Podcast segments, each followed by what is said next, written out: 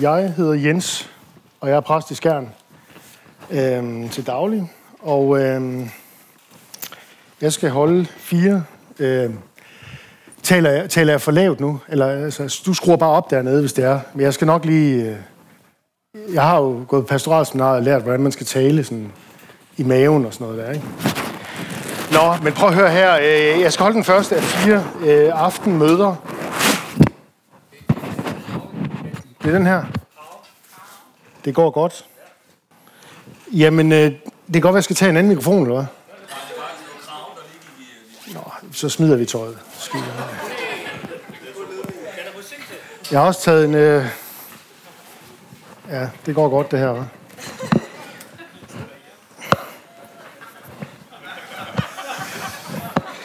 Det starter som sådan et... Øh... Jeg har altid gerne vil være komiker. Jeg tror så, jeg er mest til stand-up, hvis det skal være. Dave Chappelle og sådan noget, men det, er ikke, det snakker vi ikke om her. Nej, den faldt helt til jorden, det kunne jeg godt høre. De unge, de unge, de ved, hvad det er, jeg snakker om. Men ellers så har jeg så udtrykt øh, bibelsk teologi her på brystet jo. Han er opstået, ikke også? He's alive. Nå, men øh, nu skal jeg lige koncentrere mig, for ellers så kan det jo ende alle mulige steder, det her. Prøv at høre, at jeg skal holde fire aftenmøder, og øh, det er, det er formuleret som en, som en, øh, en slags trosbekendelser. Øh, Herren er mit lys, er det, vi skal være sammen om i aften. I morgen, Herren er min styrke. I overmorgen, øh, Herren er min lovsang. Og så på fredag, Herren er min hyrde. Og det er jo alt sammen noget, vi finder flere steder i Nytestamentet, men i salmernes bog, der kan, du, der kan, man, der kan I finde alle de her øh, alle de her øh, trosbekendelser. Øh, og jeg kan da godt lige, øh, det er ikke fordi jeg skal udlægge salme 27, men det er sådan, den starter. Herren er mit lys og min frelse. Hvem skal da frygte? Som jeg sagde i går, så håber jeg, at der vil være et element af trøst øh, til dig, til os i de her ting, jeg øh, gerne vil have med, eller har, har, øh, har fået lagt på hjerte. Øh, jeg vil så også sige, at det her Herren er mit lys er noget, jeg har øhm, været optaget af i længere tid, hvor de andre ting, Herren er min lovsang, og Herren er min styrke, og Herren er min hyrde, det er noget, som på forskellig vis er, øhm, er noget, som jeg, øh, som er, om jeg så må sige, kommet til mig i løbet af coronaen. Øh, det der med Herren er min hyrde, det har blandt andet et eller andet at gøre med, at jeg lige sådan i forkanten af coronaen var sygemeldt med noget stress. Og det, øh, det tror jeg kommer til at spille lidt ind i, i noget af det, jeg også gerne vil, vil sige om den time. Herren er min styrke. Det har noget øh, at gøre med, at vi øh, for et års tid siden i menigheden oplevede, at der var en, der simpelthen blev udsat for noget, for noget angreb fra den onde, en form for demonisering. Og øh, så var der Herren er min lovsang, og det er jo øh, det her, som, øh, som, som indimellem sådan dukker op øh, i menigheden også. Hvad er det egentlig for nogle sange, vi synger, og øh, synger vi det, de unge kan lide, eller synger vi det, de gamle kan lide, eller og skal, skal vi skændes om det og alt sådan noget. Og det gider jeg slet ikke og, og, og sådan rigtig at komme ind på, men jeg vil gerne sige noget om, hvad, hvad Bibelen siger om det. Så i den time, der vil jeg øh, tage med hen til den aller, aller første lovsang, der er skrevet i Bibelen, og prøve at sige noget om den. Og den sammenhæng, den står i. Og jeg fortæller ikke nu, hvor det er, den står henne. Det må I selv komme og gætte. I har, I har sådan et par, par døgn til at gå og gætte, hvor den er henne, eller læse jer frem til den. Jeg kan sige, at det er ikke i første Mosebog. Så det er bare derudad. Ja, Inden vi kaster os ud i Herren mit lys, så lad os bede en bøn.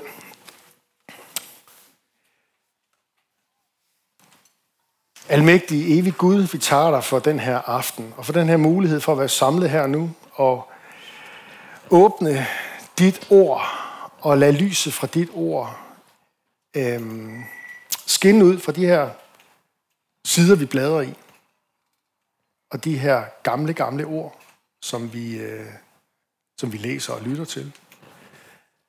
Og vi beder om, at du vil gøre det til liv for os. Vi tager dig, fordi at du selv har sagt, at Dit ord er en lygte for vores fod og et lys på vores vej igennem den her verden. Og det beder vi om, at vi må erfare i de her dage. Amen. Jamen, øh, jeg beder slå op i øh, 1. Mosebog kapitel 1, vers 1-3.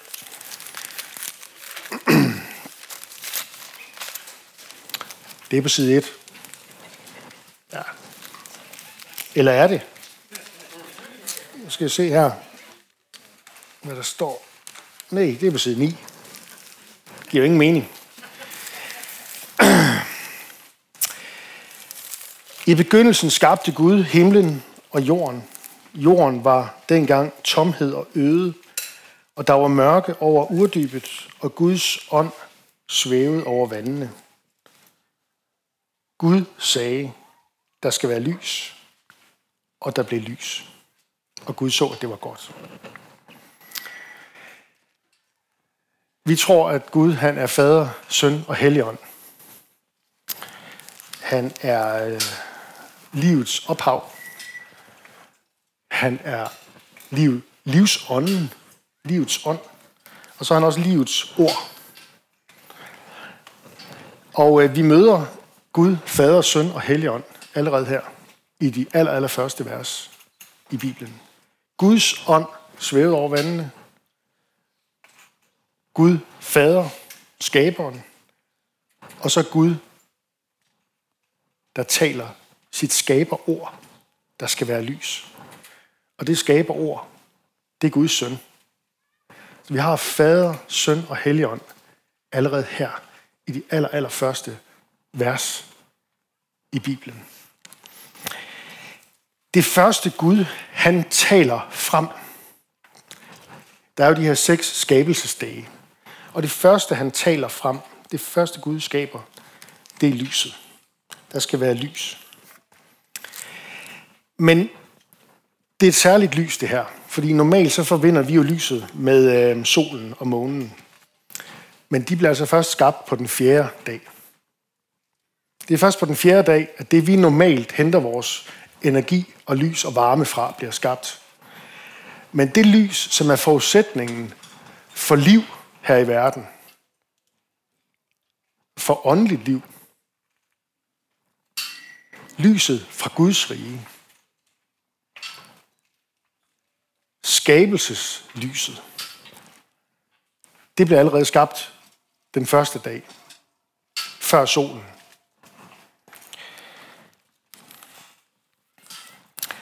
Det er øh, Guds, det er lyset fra, jamen hvad er det? Jamen det, det, er, det, det er den første skabelsesdags lys. Det er lyset fra Guds rige. Fordi det, det Gud han skaber, det er jo noget, han har på hjerte. Og så taler han det frem, og så, så står det der. Der skal være lys. Fordi det har Gud på hjerte. Det kommer fra Gud af. Og Gud så, at det var godt. Hvis vi går om til parallellen øh, i Nytestamentet til den her tekst om i Johannes evangeliet kapitel 1, så får vi jo udlagt, hvordan de første kristne har læst øh, skabelsesberetningen, som vi, som vi nu lige har læst de første tre vers, eller indledningen på. I øh, Johannes evangeliet side 958 i sådan en standard øh, bibel her. Johannes 1, så begynder han jo øh, sådan rent litterært og smart på fuldstændig samme måde. Skabelsesberetningen begynder med ordet i begyndelsen, og det begynder Johannes også med. Han siger også i begyndelsen. Han siger, i begyndelsen var ordet, og ordet var hos Gud, og ordet var Gud. Han var i begyndelsen hos Gud. Alt blev til ved ham, og uden ham blev intet til af det, som er. I ham var liv, og livet var menneskers lys og lyset skinner i mørket, og mørket greb det ikke. Det her ord, det her skaberord, det er Jesus selv. Og se vers 14. Ordet blev kød og tog bolig i blandt os, og vi så hans herlighed. En herlighed, som den envågne har den fra faderen, fuld af noget og sandhed. Tilbage igen til vers 6. Der kom et menneske udsendt af Gud. Hans navn var Johannes. Han kom for at aflægge vidnesbyrd. Han skulle vidne om lyset, for at alle skulle komme til tro ved ham. Selv var han ikke lyset, men han skulle vidne om lyset. Lyset, det sande lys, der oplyser, at hvert menneske var ved at komme til verden. Han var i verden, og verden var blevet til ved ham, og verden kendte ham ikke. Han kom til sit eget, og hans egne tog ikke imod ham. Men alle dem, der tog imod ham, gav han ret til at blive Guds børn, dem, der tror på hans navn. De er ikke født af blod, ikke af køds vilje, ikke af mands vilje, men af Gud.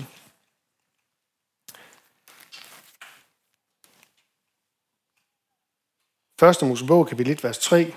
Gud sagde, der skal være lys. Gud taler. Guds, Guds ord skaber, hvad det nævner. Og Gud siger lys, og så kommer der lys ind i verden. Lyset fra Guds rige. Lyset, der er Guds herlighed. Det lys, som er betingelsen for alt liv her i verden. Det er med andre ord lyd, altså et ord, der tales. Det er lyd og lys, der er forenet i skaberkraft. Man kan også sige det på den måde, at livets ord, det er Jesus selv, det er Guds søn. Det livets ord skaber livets lys. Eller sådan som Johannes, apostlen Johannes beskriver i indledningen til sit første brev, kapitel øh, 1, vers 5. Gud er lys, og der er intet mørke i ham. Gud er lys. Det er derfor, Gud han siger, der skal være lys. Og det lys, der kommer på den første skabelsesdag, det kommer, fordi det findes hos Gud, i Gud. Gud er lys. Alt blev til ved ham, og uden ham blev intet til af det, som er. I ham var liv, og livet var menneskers lys. Allerede der på den første skabelsesdag, helt i begyndelsen, der kom livslyset til os. Der skal være lys, og der blev lys. Og Gud så, at det lys var godt, og han skilte lyset fra mørket. Lyset kaldte han dag, og mørket kaldte han nat. Og så kommer syndefaldet ind i verden. Kapitel 3 om i første Mosebog. Og så bliver det nat. Så bliver det mørke. Der, der er et mørke, der flytter ind i vi menneskers hjerter. Der er et mørke, som kommer til at dække hele jorden, som taler profeten Esajas om det. Mørket skjuler jorden. Esajas 60. Vi skal se det lige om lidt. Johannes, apostlen, Johannes igen, han taler et sted i Nyt Testamente sådan her og siger, hele verden ligger under for den onde. Og den onde djævel, han er jo forbundet med mørke og destruktion.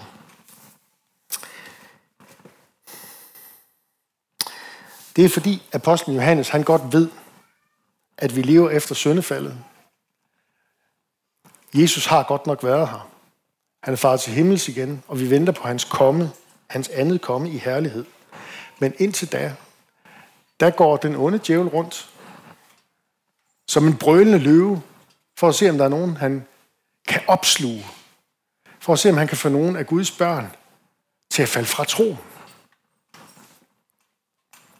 Han ved, at onde kræfter ønsker at udråbe et satanisk mørke over jorden – som jeg engang hørte det udtrykt. Og nu, det, det mener jeg ikke, det jeg siger nu her, men vi kan ligesom bare lige høre det. Djævlen forbande dig og til intet gøre dig. Djævlen lade sit ansigt sortne over dig uden noget. Djævlen sænke ondskab over dig og gøre dig fredløs. Det er sådan den dæmoniske modsætning til den velsignelse, som vi som kristne lytter til livet igennem, søndag efter søndag, når vi fejrer Guds tjeneste, som Gud har, har givet til Israels folk. Men der ligger et mørke, som vi lige holder lidt fast i nu, fordi det er jo kontrasten til det her lys, så skal vi forstå og glæde os over, at Gud sagde, at der skal være lys dengang, og at han også siger det over os, når vi døbes. Fordi der har vi jo igen Guds ord, Guds løfte og Guds ånd, der svæver over vandene, over dåbsvandet. Så vi har det samme, og man så må sige, den, der, sker, der sker en dramatisk nyskabelse der.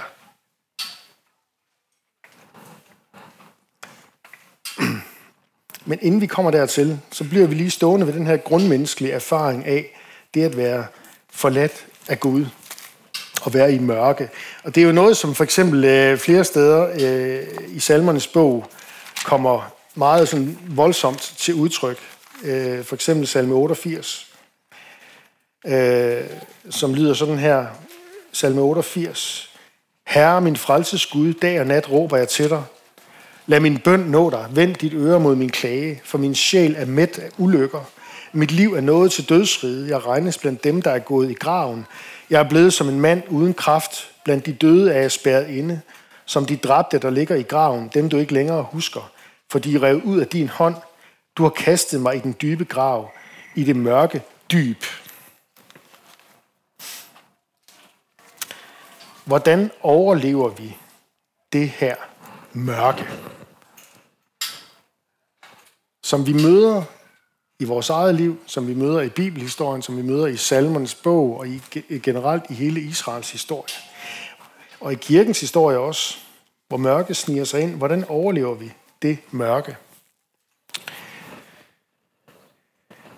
Jamen det gør vi ved at slippe Guds ord løs i vores liv.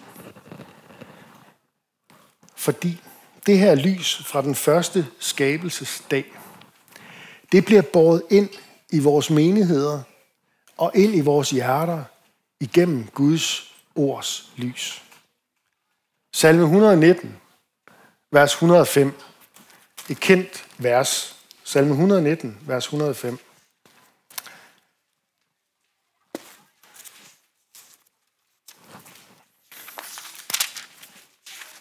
Bibelens længste salme. Og der sådan, øh, ja, nogenlunde lige midt i, ikke også? Ja, det er jo knap nok. Vers 105, der står der om Guds ord. Dine ord er en lygte for min fod, et lys på min sti.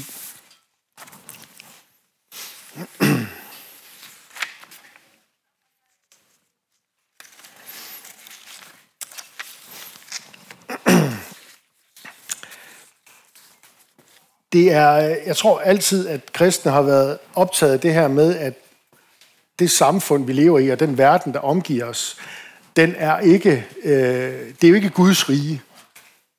Vi er i verden, men ikke af verden. Guds rige er noget andet øhm, end den her verden. I hvert fald indtil den dag, Jesus kommer og gør krav på det, der retteligt er hans. Men den situation, som kristne igennem generationer har oplevet, det har været det her med,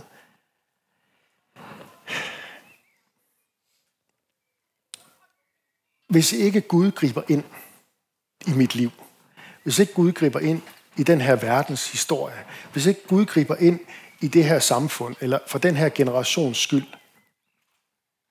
så er vi ildestet. Og derfor så er det også sådan, at situationen kræver, og sådan har kristne altid tænkt, situationen kræver, at kristne, at Guds kirker, Guds menighed, som aldrig før retter sin opmærksomhed imod Guds profetiske ord i den hellige skrift, de her 66 skrifter, vi har, at vi læser i dem, at vi lærer, lytter, fatter og ikke mindst lever i tillid til, at det er sandt, Guds ord. Det er sandt, også når det siger noget, som er hårdt at høre, så er det sandt. Og det er noget, der er sagt af ham, som siger om sig selv, jeg er verdens lys. Gud er lys. Gud er kærlighed.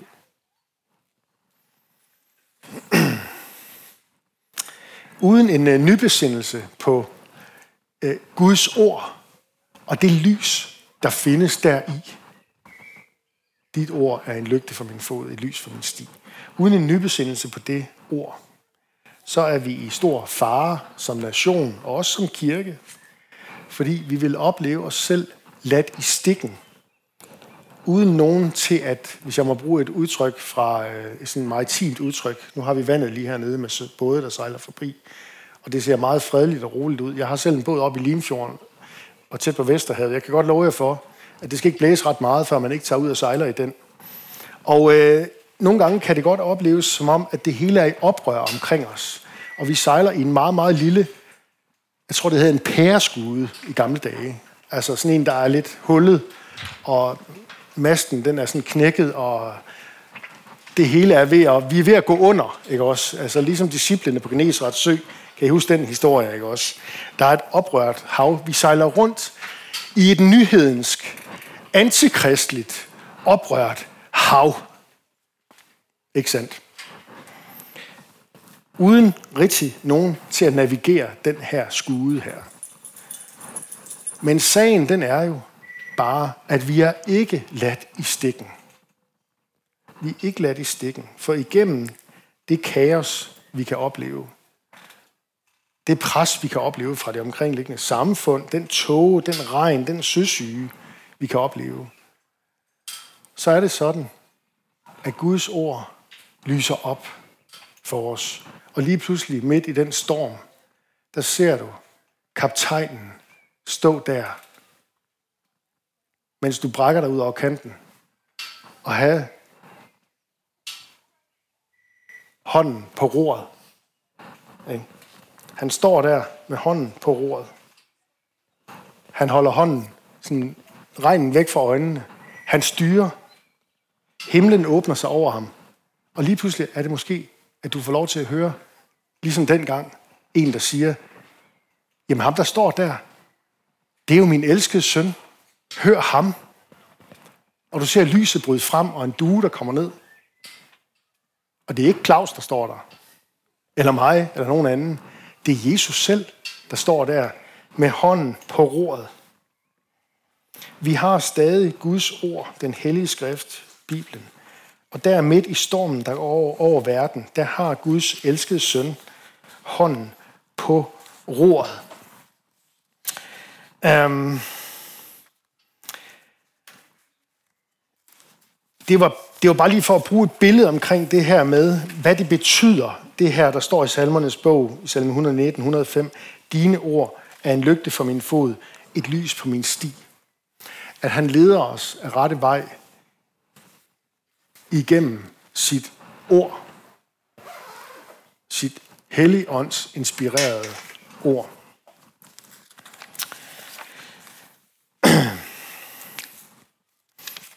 Nå, jeg har mange ting på hjerte, så jeg, skal lige, øh, jeg, skrev lige, jeg skrev lige og sorterede det lidt, fordi at, øh, jeg skal virkelig passe på, at det her ikke bliver for langt. Men altså, jeg synes, at det er enormt fascinerende, den her øh, røde tråd, som vi kan møde helt fra skabelsen af, og så øh, videre om i det nye testamente.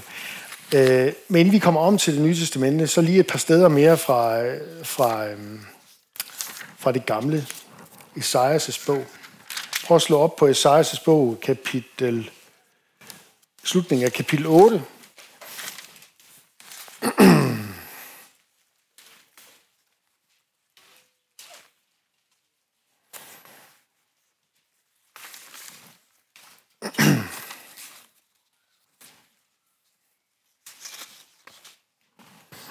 Der er et beskrivelse i, øh,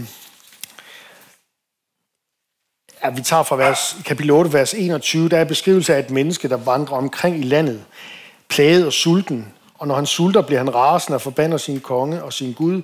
Når han ser mod det høje, eller stiger, eller stiger han ud over landet, er der nød og mørke, trængselsmørke, i mulmet er han stødt ud.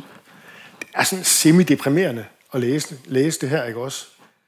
Tænk sig, at profeterne også havde det sådan, kan nogen måske sige, hvis de ramte af lidt depression eller melankoli.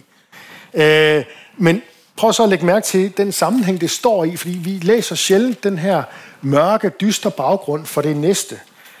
Fordi jeg tror, når I læser det næste vers, så er nogle af jer, der kan høre, hvor vi er på vej hen. Dog skal der ikke være mørke for landet, som nu er i trængsel. som Herren tidligere bragte skam over Sebulons land og Naftalis land, bringer han i fremtiden ære over vejen langs havet, landet på den anden side af Jordan og folkeslagenes Galilea. Det folk, der vandrer i mørket, skal se et stort lys. Lyset skinner for dem, der bor i mørkets land. Jeg læste bare videre uden at sige kapitel 9, fordi det, det gjorde man ikke, dengang man skrev det her. Der skrev man bare derud af.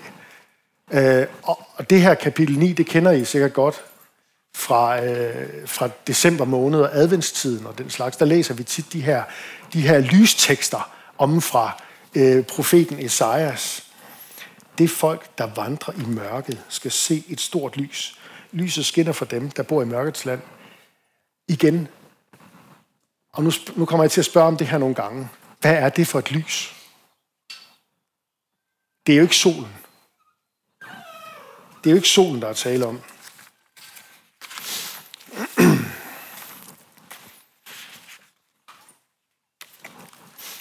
Man kan sige det på den måde, at ligesom solen er den her verdens fysiske lys, så er Jesus den her verdens åndelige lys. Det er jo en profeti om den frelser, der skal komme. Og han skal komme som solopgangen fra det høje. Han skal komme, og så skal han bringe det lys med sig ind i verden. Ind i menigheden.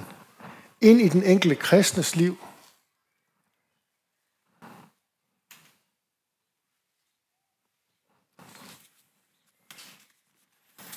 Og det er lyset fra den første skabelsesdag, der er tale om her.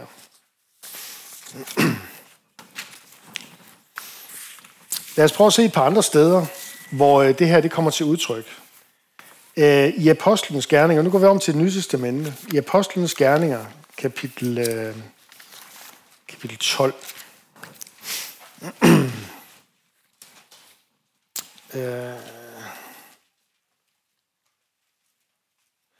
kapitel 12, der har vi en beretning om Peter, der sidder i en fængselscelle.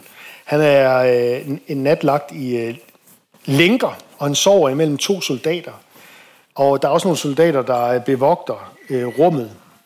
Øh, det står der i, øh, fra vers 4, han greb Peter og kastede ham i fængsel og satte fire hold på hver fire soldater til at holde vagt over ham. Han må have været en farlig mand, ham der apostlen Peter der var. Efter påske ville han så føre ham frem for folket. Peter blev derfor holdt fængslet, men i menigheden blev der utrætteligt bedt til Gud for ham. Natten før Herodes ville stille ham for retten, lå Peter og sov mellem to soldater. Han var lagt i to lænker, og vagten ved døren bevogtede fængslet. Pludselig står Herrens engel der, og et lys strålede i rummet. Spørger jeg bare igen. Hvad er det for et lys? Det er ikke solen. Det er lyset fra den første skabelsesdag. Det er Guds herlighedsglans. Prøv at gå med hen til øh, kapitel 26 i Apostlenes Gerninger. Der har vi øh, den sidste af tre beretninger, hvor Paulus han fortæller om sin omvendelse. Den, dem kan I læse om i kapitel 9 og i kapitel 22 og så i kapitel 26.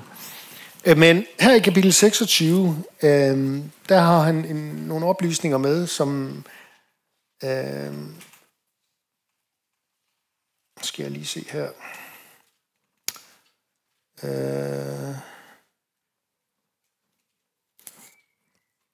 der. Han er på vej til Damaskus, Paulus, for at forfølge de kristne.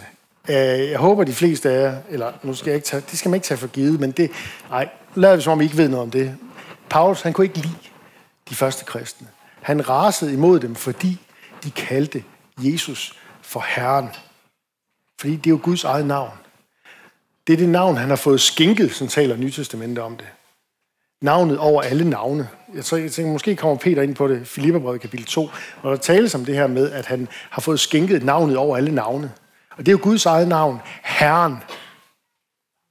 Meget apropos det, vi er sammen om de her aftener. Herren er mit lys. Herren er min styrke. Herren er min lovsang. Herren er min hyrde. Når de første kristne skulle finde ord for deres tro på, hvem Jesus var, så gik de om i det gamle testamente, og så læste de, Herren er mit lys, Herren er min styrke, Herren er min lovsang. Og så læste de om Jesus. Fordi han var jo blevet givet Guds eget navn, Herren. Og det her, bare for at gøre en lang historie kort, det rasede apostlen Paulus over. Han så det som blasfemi og Guds bespottelse. Så han, øh, han øh, bad simpelthen om øh, carte blanche til at forfølge dem helt, helt, helt uden for Israels land. Og på vej til Damaskus for at forfølge og fængsle og slå de kristne ihjel. Øh, der fortæller han så om, hvad der sker. Øh, vers 12. Men under de forfølgelser rejste jeg engang til Damaskus med fuldmagt og bemyndigelse fra ypperste præsterne. Hvilket for øvrigt i parentes bemærket er meget, meget mærkeligt. Hvis nogen af jer kan lide at nørde lidt. Paulus var farisæer. Han får en fuldmagt fra ypperste præsterne. Det var sådan dengang, at farisæerne og ypperste præsterne, de kunne ikke udstå hinanden. De kunne ikke udstå hinanden. Det var sådan lidt ligesom øh, liberale grundvianer og tidvæv. Eller sådan noget. De talte ikke sammen. Alligevel har Paulus været så optaget af den mission, han har været så optaget af had, at han simpelthen har allieret sig med sin værste, og med så må sige, fjende, nemlig ypperste præsterne. Nå, det var bare lige for, for lige at piske en stemning op her, ikke også? Øh, undervejs, konge, så jeg midt om dagen et lys fra himlen stråle om mig, om mig og mine ledsagere. Et lys med stærkere glans end solens. Så spørger jeg bare igen. Hvad er det for et lys? Det er jo lyset fra den første skabelsesdag. Det er det lys, der kommer ind i verden, dengang Gud han sagde på day number one, der skal være lys.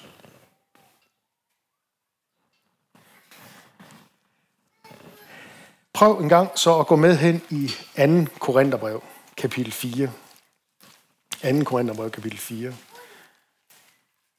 I min danske oversættelse fra 1992, og vi får vist nok snart en om 10 år eller sådan noget, kan vi spørge Johannes Bavn om. Øhm, der er ikke noget med, at han er blevet generalsekretær, og de skal lave en ny bibeloversættelse eller sådan noget. Men den her, den er jo, det er jo den ægte. 1992-versionen er også. Prøv at høre her.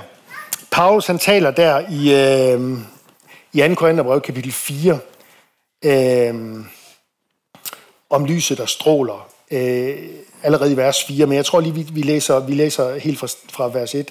Derfor øh, bliver vi ikke modløse i den tjeneste, som vi har fået af barmhjertighed. Vi har sagt nej til det skjulte og skændige, og går ikke frem med snedighed og forfalsker heller ikke Guds ord, men bringer sandheden for dagen og anbefaler således os selv til et hvert menneskes samvittighed for Guds øjne. Og er vort evangelium tilhyllet, er det kun tilhylde for dem, der fortabes, for dem, der ikke tror, deres tanker har denne verdens Gud blændet, så de ikke ser lyset, der stråler fra evangeliet om Kristi herlighed, Kristus, som er Guds billede. For vi prædiker ikke os selv, men Jesus Kristus som Herren, og os selv som jeres tjenere for Jesus skyld. Til Gud, der sagde, at mørke skal lys skinne frem. Og det er jo en reference til skabelsesberetningen. Ikke? Til Gud, der sagde, at mørke skal lys skinne frem. Han har lavet det skinne i vores hjerter. Til oplysning og til kundskab om Guds herlighed på Jesu Kristi ansigt. Det er sådan rimelig fortættet, men skåret ind til benet, så spørger jeg bare igen, hvad er det for et lys, der skinner i de kristnes hjerter? Eller sagt på en anden måde, hvad er det for et lys, der er tændt i de kristnes hjerter? Eller sagt på en anden måde, hvad er det for et lys, Gud har tændt inden i dig? For det lys, der tales om her, det er jo ikke et, som vi skal anstrenge os for at tænde. Det er Gud, der tænder. Det er Gud, der antænder. Det er Gud, der siger over dit liv, og han ønsker at sige det over et hvert menneskes liv, der skal være lys. Og når han siger, der skal være lys, så siger han i virkeligheden, jeg ønsker at bo i dit hjerte. For ved I hvad? Jesus han siger simpelthen om sig selv, jeg er verdens lys. Og så spørger jeg igen, det står om i Johannes evangelie kapitel 8, vers 12-agtigt. Vi kan lige prøve at slå det op. Johannes 8, 12, tror jeg nok, det er. Øh, ja, det er det også der. Er der talte Jesus til dem, til dem og sagde, jeg er verdens lys. Den, der følger mig, skal aldrig vandre i mørket, men have livets lys. Livets lys, det er det, der kom til verden på den første skabelsesdag. Og det blev talt frem af ham, som selv er Guds ord. Ham, som i begyndelsen var ordet. Ordet var hos Gud, og ordet var Gud. Skaber ordet, det er Guds egen søn, Jesus. Det er ham, der rykker ind i dit hjerte og tager bolig i dig, når Gud siger over dit liv, der skal være lys. Og det ønsker han for et hvert menneske. Jeg ønsker, at et hvert menneske på den her jord skal høre de gode nyheder om Jesus.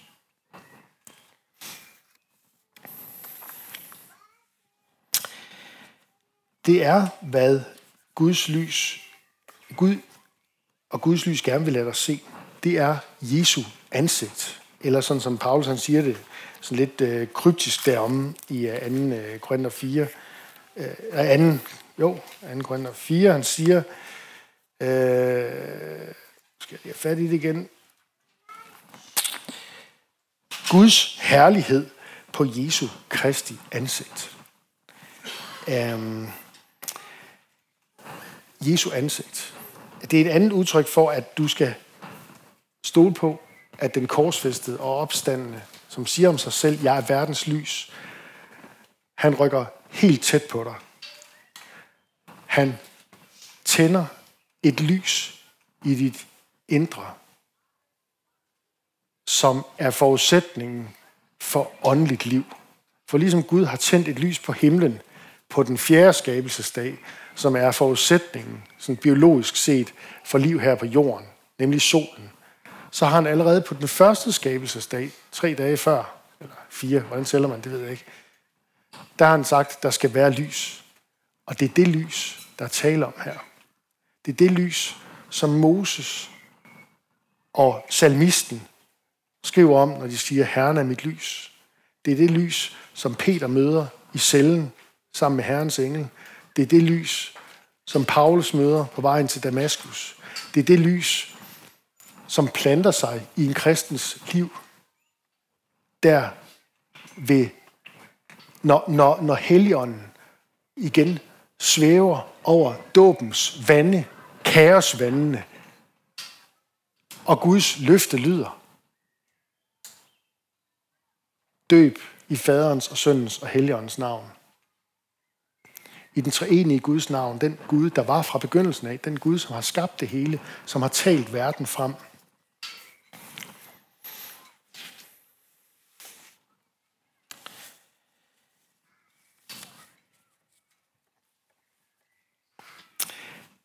Jeg skal opsummere nu.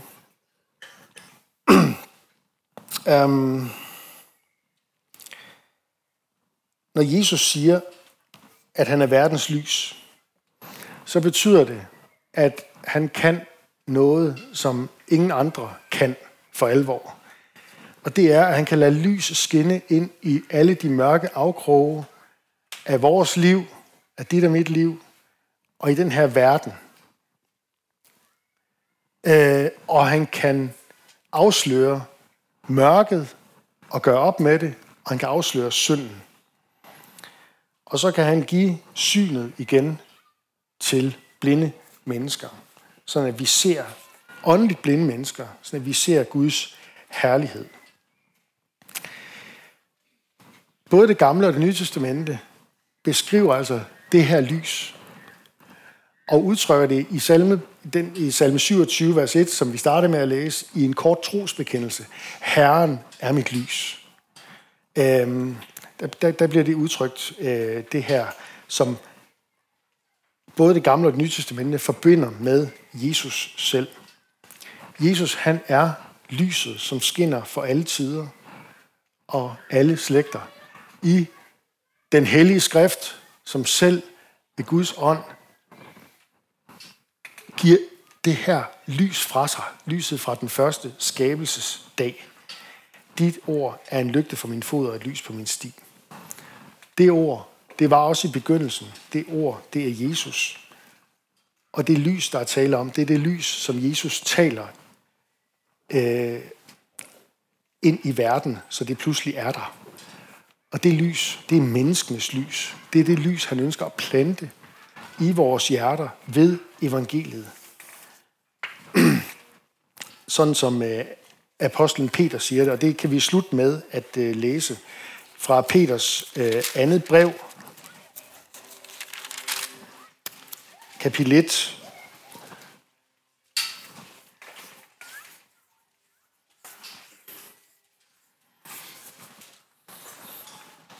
Peter, han var jo øh, han var på et tidspunkt med op på, på forklarelsens bjerg, øh, et sted nede i Israel, op i Galilea. Øh, der er lidt diskussioner om, om det er det ene eller det andet bjerg dernede, men det kan være...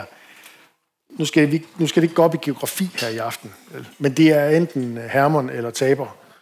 Så kan I selv øh, tage ned og tjekke, øh, hvad for en I synes, øh, det er. Men øh, det er sandsynligvis de to øh, steder i Israel. Han var med derop og møder øh, Elias og Moses, og de taler med Jesus. Og kan I huske den der beretning fra Klarsen bjerget, hvor han siger, her er godt at være, lad os bygge tre hytter og være her forever. Ikke også? Altså sådan lidt ligesom, hvis det er en god sommercamp eller sådan noget. Ikke? Og, øh, og, så, øh, og så siger han øh, omkring det budskab, han har bygget øh, sin tjeneste på og sit apostelkald, Peter, så siger han her i sit brev i kapitel 1, vers 16, for det var ikke udspekulerede fabler, vi byggede på, da vi forkyndte af vor Herres Jesu Kristi magt og hans komme. Men vi havde med egne øjne set Jesu majestæt. Han refererer simpelthen til den, til den oplevelse, han har haft deroppe på bjerget. For han modtog ære og herlighed af Gud Fader, da der lød en røst fra ham, øh, til ham fra den ophøjede herlighed. Det er min elskede søn, i ham har jeg fundet velbehag. Denne røst har vi selv hørt lyde fra himlen, mens vi var sammen med ham på det hellige bjerg. Men så kommer pointen. Så meget mere fast står profeternes tale for os. Og den gør I ret i at være opmærksom på, som på en lampe, der skinner på et mørkt sted, indtil dagen bryder frem. Prøv at lægge mærke til, hvordan han bruger lyssprog her. Lampen. Han bruger dagen, der bryder frem, altså en solopgang. Det er et lys, lyssprog. Morgenstjernen stiger op i jeres hjerter. Men først skal I gøre jer klart, at ingen selvbestalte kan tyde nogen profeti i skriften. For ingen profeti har nogensinde lyttet i kraft af et menneskes vilje, men drevet af Helligånden har mennesker sagt det, der kom fra Gud af. Øhm, og, skal jeg lige se her, øh,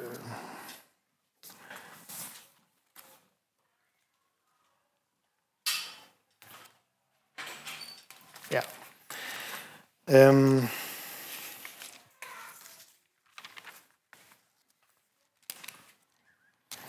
Nå, ved I hvad? Det var simpelthen en akavet slutning på den her aften her. Men øh, det kan I godt tåle. Øh, jeg kan jo spørge ad, hvad, hvor er det, der, det lys kommer fra. Vi møder forskellige steder i Bibelen. Men jeg skal nok lade med at stå og starte forfra igen. Jeg, jeg, havde, jeg havde selv øh, stor, hvad kan man sige, jeg tror faktisk, jeg vil bruge det udtryk, trøst ved at kunne se den her linje helt fra begyndelsen af Bibelen, og så forskellige nedslag igennem både det gamle og det nye testamente. Øh, og så at de kristne er en forsamling af mennesker, som Jesus øh, ikke bare har tændt et lys i, men han har simpelthen rykket ind i vores hjerter, og derfor så er der, er der et lys derinde, som er et øh, særligt lys, så der ikke har med solen at gøre, men har med Guds rige og Guds herlighed at gøre. Ja, lad os bede en bøn sammen. Jesus, vi beder dig om, at du vil lade os se dig som vores Herre og Frelser, som vores lys, når vi øh, møder mørke i den her verden, når vi møder mørket indeni i vores egne hjerter, så beder vi om, at du vil glæde os med din frelse. Lad os se dig klart og tydeligt som den korsfæstede opstande, og lad os se det ikke bare i øhm, i vores egen fornuft og med med det, vi kan lægge sammen to og to, men lad os se det i lyset af, netop det her lys fra den første skabelses morgen. Vi takker dig, fordi at du har givet os troen. Vi takker dig, fordi du har rørt ved os øh, dengang dit ord lød over vandet og helligånden.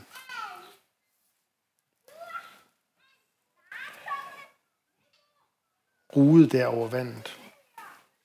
Tak dig for dåben, fordi du har givet os derigennem. Tak fordi du har talt dit ord ind i vores liv. Der skal blive lys. Amen.